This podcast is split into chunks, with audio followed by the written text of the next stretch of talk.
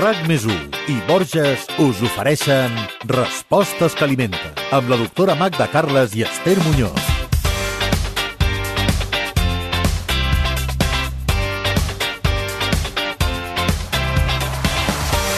És la beguda més consumida al món i per a moltes persones el motor imprescindible de cada dia. És obvi que hi ha teories de tota mena a favor i en contra d'aquesta beguda estimulant, però amb tot continua estant ben present a la nostra dieta perquè en el fons ens agrada. Ara bé, és bo prendre cafè o, per exemple, és veritat que el té és millor Quina dosi és la dient per no tenir efectes secundaris?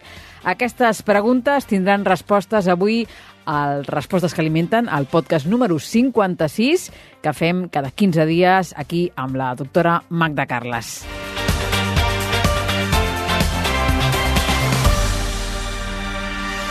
Magda, ja veig que vens preparada amb la teva tassa de cafè. És que jo, si no em prenc un cafè, no, no, no tiro, eh? No és una cosa que necessito. Ets cafetera? Motor, sí, molt, molt. Segurament massa, fixa't tu. Sí. Quan, quants cafès pots prendre en un dia? De dos a quatre. Sí? Sí, de dos a quatre. Més de quatre, poques vegades, però de dos a quatre, mm, sí. sí Ara sí, sí, faré sí. una entrevista sobre el cafè. Amb sí. quina regularitat els prens? Jo cada dia. Cada però dia. cada dia, amb, matí... Hora d'esmorzar, mig matí, a l'hora de, a l'hora de dinar, mitja tarda, sí, sí, sí. I quin és el, el cafè que prens tu? Cafè sol? El cafè, el cafè no, a vegades la cafetera italiana, que he tornat a, anar, a, pas, a pesar de les capsuletes que estan de moda, he tornat a la cafetera convencional i, i combino amb càpsula i combino amb expresso una mica tot. Jo, des dels 13 anys, el cafè m'enganxa, no t'ho pots imaginar. Home, podem deduir que si la doctora pren quatre cafès al dia, dolent no serà. De moment encara estic aquí. I no em trobo malament, vull dir que... No, mira, és que per, per tranquil·litzar-te, et diré que si anem a mirar, i ara ho parlarem, la quantitat de cafès que, que es pot prendre cada dia, o que l'OMS recomana, o l'EFSA recomana, que són, que són aquests, aquests tipus de, de, de diguéssim, d'entitats, que són autoritats en la nutrició, doncs fins 3-4 tasses doncs, ho consideren que no passa res, eh, en persones sanes. Per tant, estic dintre el que podríem dir eh, per, permès. La eh? normalitat, La no? normalitat, Des de la, la meva normalitat. normalitat, des de luego que sí, no? I, I si no el prens, què, què passa? Què succeeix? Si no el prenc, en el meu cas, si no en prenc cap, mmm, em trobo com de caiguda, és veritat. Si em prenc menys, no passa res, depèn de, del dia que tingui, del que hagi dormit, però ho noto, ho noto. Uh -huh. S'ha de dir perquè el cafè, també parlarem, crea una certa dependència. Clar, no? una sí, dependència. Sí, sí, sí, és així, és així. Jo ho noto, jo sóc un exemple perfecte d'això. El dia que no prenc cafè, doncs és com si anés a, a, a ritme lent, saps? Mm. Anem a l'origen, Magda. Explica'ns, eh, defineix-nos què és ben bé el cafè i des de quan eh, el pren la humanitat? Doncs des de fa molt temps, això està clar, i el cafè, doncs mira, és, és, és una beguda que es barreja aigua amb unes llavors eh, torrades i que estan en plan pols, eh? perquè, bueno, i és, i és una planta, vull dir que és, a pesar que s'ha demonitzat molt, el cafè és, és un vegetal, és el suc d'un vegetal, és una infusió d'un vegetal. A vegades el cafè es tracta com si fos, no sé, però eh, a fi al cap, és de la cofe, una planta que es fa en països tropicals o subtropicals i que fa segles, segles, segles que estem prenent. No, no va ser fàcil que s'introduís a, a Europa el cafè, però ara som uns consumidors totals. Després de l'aigua és, la, és la beguda que més es consumeix, eh? És curiós, eh? Per què va dir que, que, que per, què, per què has dit que no va ser fàcil eh, Perquè al segle XVI i XVII el cafè doncs, es deia que, i fins i tot eh, als, als, a les autoritats, l'Iglésia deia que es posaven nerviosos, que no era bo per la salut mental ni espiritual. Bueno, tot lo nou sempre genera moltes, molta controvèrsia, no? Però finalment ens vam enganxar al cafè. Finalment ens vam enganxar, saps? Perquè estimula, siguem sincers. Uh -huh. eh, ens deies que és una beguda, una beguda que alimenta Quin és el seu efecte, en realitat? A veure, jo, eh, si som sincers, el cafè alimenta poc. És a dir, porta algun mineral, porta algun antioxidant, és veritat, porta una mica de vitamina B6, però són quantitats petites. Jo crec que l'efecte principal de, del, del cafè és el degut a la cafeïna i és que ens estimula eh? és que ens estimula. O sigui, ens estimula el, el sistema nerviós, fa que estem més concentrats, fa que estem més desperts, fa que tinguem més reacció als canvis. Té una sèrie, amb, amb dosis moderades, que ara parlem del tema dosi, doncs té uns efectes fins i tot positius. Deies al principi que hi ha estudis de tot tipus, amb pros i contres. I durant molts anys el cafè jo crec que hi ha hagut més contres que pros. Però ara, amb els darrers estudis dels últims anys, doncs s'ha vist que fins i tot amb dosis moderades el cafè doncs, pot eh, tenir efectes preventius de malalties neurodegeneratives, contra la depressió, contra la diabetis. Vull dir que, bueno, les coses van avançant i se van sabent coses, no? Però sempre amb dosis moderades. I la part negativa, les coses no tan bones que s'han dit Clar. sobre el cafè, quines són? Què passa? Doncs que, per exemple, en persones propenses a l'hipertensió o en persones que són hipertenses, doncs és obvi que el cafè puja la tensió arterial. Una pujada que no es mantindrà eternament, però te puja la tensió. En persones embarassades, una dosi alta de cafè tampoc seria massa convenient, perquè s'ha comprovat que les, les embarassades que prenen molt cafè acaben tinguent nens de baix pes. No, no, no convé. Les persones que tenen insomni o que tenen dificultats a dormir, òbviament, tampoc. Les persones que ja tenen una ansietat o una angoixa o que són nervioses de per ser, si tu els hi poses molt cafè, és obvi que no els irà bé. Però és que també les persones que tenen un, un intestí irritat o tenen gastritis o tenen un sistema digestiu delicat, els hi pot anar malament. També en, en funció de la dosi i quin tipus de cafè. Per tant, sí que té les seus, com tot, eh? sí que té els efectes negatius, però tot dependrà de quina persona estem parlant i de quina dosi de cafè estem parlant. Centrem-nos, Magda, en la dosi, no? Quina sí. seria la dosi adient? Tu ens parlaves al principi ens explicaves el teu cas personal, eh, sí. aquests quatre cafès diaris. De dos a quatre, eh? Dos a quatre depèn del dia. Que, que penso que és la dosi de molta gent, també. Eh? A veure, eh, primer, si, siguem curosos i sincers, el cafè no és necessari. Eh? El cafè no és un aliment necessari, però és un aliment que ens agrada, per això és la, que també és un bon motiu, no? És, és, és la segona beguda que es veu després de l'aigua, doncs home, és perquè ens agrada. Estem en una societat molt cafetera, vivim molt cafetera. en una societat molt cafetera. Jo penso que no hi ha cap casa que no hi hagi una cafetera. No, no hi ha cap carrer de Barcelona Barcelona que n'hi hagi una cafeteria, un bar on puguis prendre un cafè. Raó, sí, o sigui sí. que si ens anem mirant, i no només aquí, sinó a tota Europa, ja, ja, ja hi sortint igual. Vull dir que el cafè és una cosa que està superpresent a la nostra vida, no? Doncs serà per algú. Quina és la dosi? Doncs mira, després d'estudis de dir que sí, que no, que tant... Bueno, doncs, uh, fins, a, fins a 400 mil·lígrams de cafeïna al dia, val? que això pot estar entre 3-4 cafès al dia, doncs és una dosi admissible. No la recomanable, però sí la que seria la màxima admissible. Val?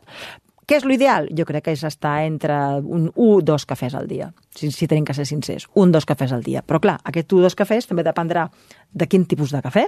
Clar. Eh? Perquè si uso un ristretto d'aquell potent, que a més me'l faig, que em poso molt cafè, és una cosa. I si és un cafè més diluït és una altra. És que hi ha molts tipus de cafès, eh? No és, ja, és, ja dic, no és el mateix un cafè de cafetera que un ristretto d'aquests de màquina. Ni un expresso i un soluble. Per exemple, un soluble tampoc és el mateix. També té menys concentració de cafeïna. Al final, els problemes del cafè, entre cometes, són deguts a la cafeïna, que és aquesta substància eh, eh, psicoestimulant. Vull dir, és això el que ens pot portar problemes, no? El cafè és això, la part problemàtica que té. La cafeïna, la part problemàtica i la part bona saps? Però que depenent de la dosi, com sempre, allò que ens porta uns certs efectes estimulants ens acabarà posant massa nerviosos, no ens deixarà dormir, ens pot fer fins i tot fer tremolors, ens irritarà l'estómac. És que, com sempre, Esther, en nutrició, la dosi és essencial. La quantitat i després com som. Perquè, clar, l'efecte del cafè no és el mateix a totes les persones. És a dir, que una mateixa quantitat de cafè no és el mateix amb una persona que amb l'altra. Per això, saps què és bo, Esther? Què? Conèixer-les bé jo penso que a certes edats ja sabem, ja sabem el cafè, quin efecte té en nosaltres, no? Si som de les persones, de vegades ho sentim, no? Jo és que no puc prendre un cafè després de dinar, doncs no el prenguis, no el prenguis, no, ja està. En canvi, hi ha gent que es pren un cafè a les 8 del vespre i dorm tan plàcidament. És que hi ha moltes diferències, sí, eh? Sí, sí, cada, cada, cadascú és un món, no? Sí. I escolta, Magda, la cafeïna només es troba al cafè o No, hi ha altres no, no, no. llocs on la trobaríem? De fet, el te té cafeïna igual. Això és una cosa que la gent que es diu no, jo, jo no prenc cafè, però prenc te. Que... Escolti, el te té teïna, que és exactament la mateixa molècula que la cafeïna. Després ja dependrà, és veritat, que els tés convencionals tenen menys eh, quantitat de teïna, perquè és que hi ha menys quantitat de te, també. Però també dependrà del rato que deixis infusionar el te, de quina quantitat de te tingui la bosseta, quan rato estigui infusionant i el tipus de te. Però vull dir que el te també té cafeïna, eh? Uh, la xocolata, amb molta menys dosis, evidentment, quan més cacau tingui, doncs més cafeïna tindrà. Alguns medicaments, ara que estem refredats, aquests antigripals tenen cafeïna, això també s'ha de dir. Això, si mirem la composició, veuràs que tenen Apareix. que apareix cafeïna, i les begudes de cola. I, evidentment, les begudes energitzants. Eh? Que això, això que prenem... quan estem- és energètiques, és el mateix? Exacte, sí, sí, o sigui, aquestes, aquestes begudes que tenen ales, per dir-ho d'alguna manera, no? Sí. Doncs aquestes uh, tenen Que cafeïna. donen- et donen ales. Que et donen ales. I és veritat que donen ales, eh? igual que el cafè. Pues, escolta'm, perquè tenen cafè. Les ales són gràcies a la cafeïna, no? El cafè que tenen, exactament. Uh Mhm. -huh. Per tant, no està només en el cafè, eh? No està només en el cafè. Tots sabem que quan tu prens una presa de xocolata negra al matí, també et dona un, un no? Ho he dit moltes vegades. Una empenta. No només per l'energia que té, sinó també per la cafeïna que té. També et dona una empenta. Per tant, no és només el cafè el que té cafeïna. Mm. Eh, sí que és veritat que la cafeïna té molt mala premsa, no? Realment és tan dolenta, Magda, com, com ens fan creure? Jo repeteixo que depèn de la dosi i depèn de qui siguis. Mira, uh, la cafeïna es metabolitza en el fetge. Eh? Depèn del teu metabolisme com sigui, depèn de si prens altres medicaments. Per exemple, hi ha medicaments, a vegades hi ha moltes interaccions eh, de, de medicaments amb l'alimentació. Doncs la cafeïna pot estar en més o menys nivell segons quins medicaments prenguis. Tota persona que pren medicaments de forma crònica, la gent gran li passa moltíssim, però no tan gran també, eh? doncs ha de mirar quines interaccions té amb la cafeïna. Clar. Perquè segons que prenguis pot ser que els nivells de cafeïna siguin superiors. Clar, són més elevats. De fet, et diré una cosa, el tema interaccions medicament-aliment és un, és un gran tema tema, no? que es parla poc. Qualsevol persona que prengui crònicament medicaments ha d'estar al tanto en quines interaccions hi ha amb els aliments. Uh -huh. Perquè, Magda, hi hauria, o no, no sé, una dosi inofensiva de cafè? Sí, clar. o sigui, jo, per exemple, eh, sóc de les persones que pren sempre el cafè amb llet. Sí. Aquí l'estic emmascarant, no? Estic barrejant.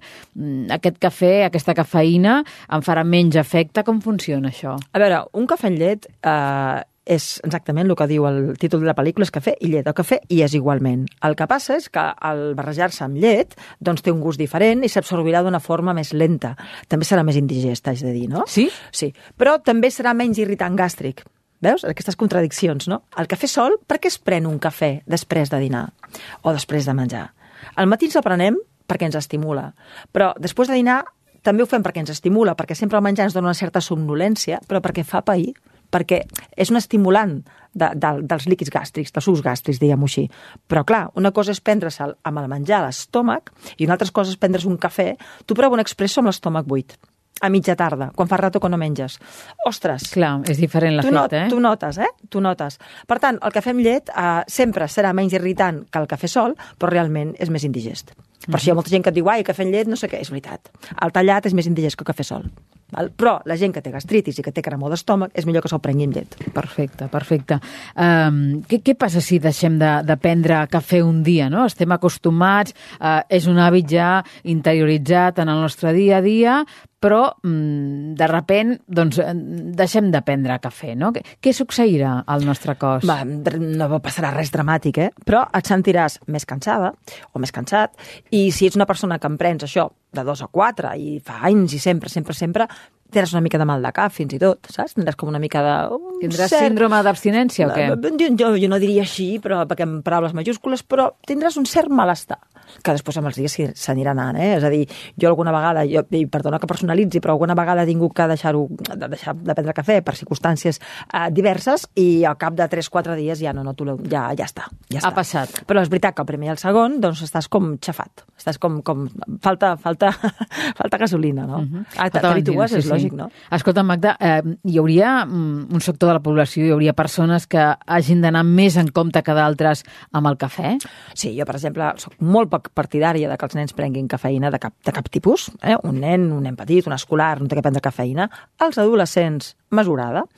Els adolescents moltes vegades que no els prendran en forma de cafè, però sí en forma de beguda de cola, en forma de beguda energètica. Eh, cuidadina amb això, perquè ja van prou accelerats, doncs, saps? Eh, jo sóc partidària de que no, de que no, no en prenguin massa. També la gent que és molt, molt gran, no que se'l treguin, eh? Perquè els dona també uns ànims a la gent gran. Que els, els dona, escolta'm, i a més, hi ha estudis que demostren que un dos cafès al dia és un preventiu de malalties sí? degeneratives sí, sí, sí, i que veritat. fa menys depre. Per tant, ja una mica d'estímul els hi va bé. Però com que de gran també tens el problema que dors menys, que la gent té més dificultat per dormir, doncs està bé no?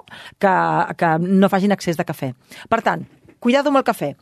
La gent molt jove, la gent molt gran, les embarassades, ja ho, hem, ja ho hem dit abans, i la gent que té algun problema, doncs algun problema eh, digestiu, de gastritis, de cremor, de refluxe, i evidentment també la gent que li faci alguna interacció amb, el, amb, un, amb, amb un medicament que pugui prendre, no? I després ja parlarien de persones que tenen problemes al fetge o tal, perquè no metabolitzen bé, perquè són coses bastant menys habituals. Més no? excepcionals, sí. eh? Magda, no hem parlat del descafeinat. Sí.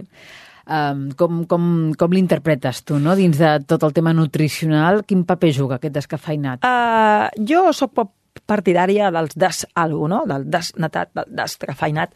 Prefereixo que la gent, jo uh, accepta casos molt, molt, uh, casos molt, diguéssim, flagrants de persones que sense aquell cafè, que se'n prenen al dia i que han de tenir la tassa de cafè, el descafeinat té la gràcia, com que a vegades el cafè és un, també és un fet social, és un fet d'hàbit, és un fet que ho fas amb una altra persona, o que et fa fer la xerrada no sé qui, que té molt valor, molt més que el cafè, doncs que si en prens molts, fes-ho descafeinat.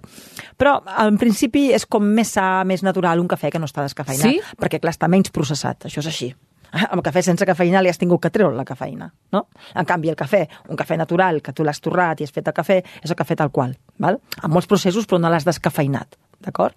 Per tant, si tu no tens problemes d'insomni, si tu prens una dosi normal de cafè, si tu estàs sa, jo el descafeinat, doncs no veig el per què, sincerament. I passaria el mateix amb el desnatat? Mm, dius que no ets massa dels des, des, desnatat, descafeinat? No, si ets una persona sana. No si ets una persona sana.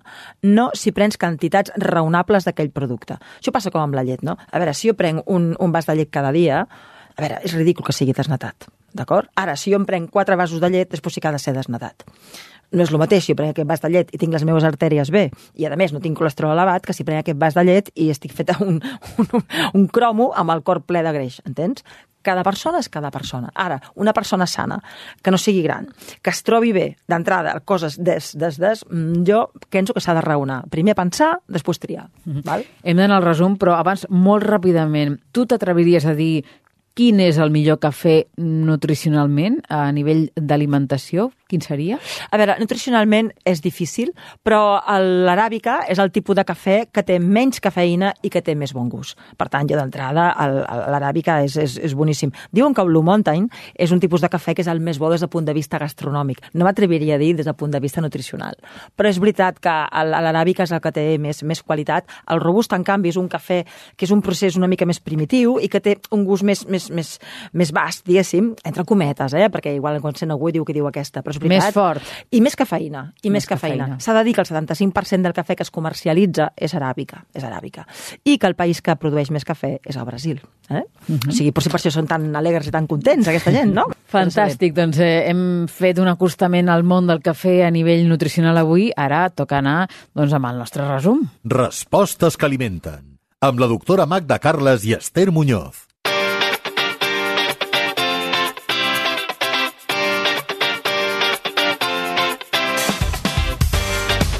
I la pregunta que plantejàvem avui, Magda, és quan cafè es pot prendre cada dia? Ho hem comentat, eh, Sí. ho hem eh, explicat, però eh, per la gent que s'acabi d'incorporar ara, què els diries? Diria que el cafè és un producte vegetal, que si prens una o dues tasses no has de tenir cap mena de problema de res, que és un producte, és, un, és una beguda que t'estimula, que és un, hi ha estudis que demostren doncs, que pot ser un preventiu per malalties neurodegeneratives, per la diabetis, etc etc. o sigui que té efectes positius. Jo diria que no a les embarassades, a les persones hipertenses i, als, als nens massa petits, evidentment que sí, i després que el cafè, doncs, eh, cada qual, el més important de tot és que cada qual sàpiga quina tolerància i com es troba amb, la, amb, amb quina dosi. El més important amb el cafè és conèixer-se. Coneixes a un mateix, no?, per saber quina és la dosi de cafè Exacte. que va millor per tu. I una recepta amb cafè, no? jo crec que abans de tancar ens sí, ve sí, molt de sí, gust. Ara, ara ho estava pensant. Hi ha una recepta que diràs, ostres, però això, ara aquesta època, però és que a mi m'agrada. Tu agafes uh, un expresso, mm? el poses en un vas una mica d'aquests amples, Mhm. uh, li poses una mica de canyella en pols, val? li poses, li poses una bola de gelat de vainilla, que diràs, què em diu ara aquesta? Una bola de gelat de vainilla, i li poses un toc, una cullerada de nata per sobre. Mm? I tu deixes que allò vagi fent, vagi fent. Ja em diràs si el cafè t'agrada o no, eh? Deliciós, ens estem mirant aquí amb el Jordi Jiménez. Jo crec que ens prendríem un ara, eh, Jordi, eh, que sí? A mi jo també em prendria un altre d'aquests, eh? Està, és una combinació divina, de veritat. Poca Tan- nata, eh? tanquem- Poca nata, un ens- toque, eh? Ah, un això, toque. no ens passem amb la nata, No, eh? sisplau. Perquè tenim la vainilla, tenim Ja. el cafè i I tenim la canyella. La, la canyella i la nata. Exacte. Bona barreja, bona barreja aquesta. Doncs tanquem avui aquest 56è podcast ja de respostes que alimenten i els de l'equip anem a fer un cafè d'aquests que ens ha recomanat ara la Magda. Ens retrobem en 15 dies, Magda. Vinga, jo, jo m'hi apunto el cafè. Vinga, som-hi. Adéu-siau. Adéu. RAC més i Borges us han ofert Respostes que alimenten amb la doctora Magda Carles i Esther Muñoz.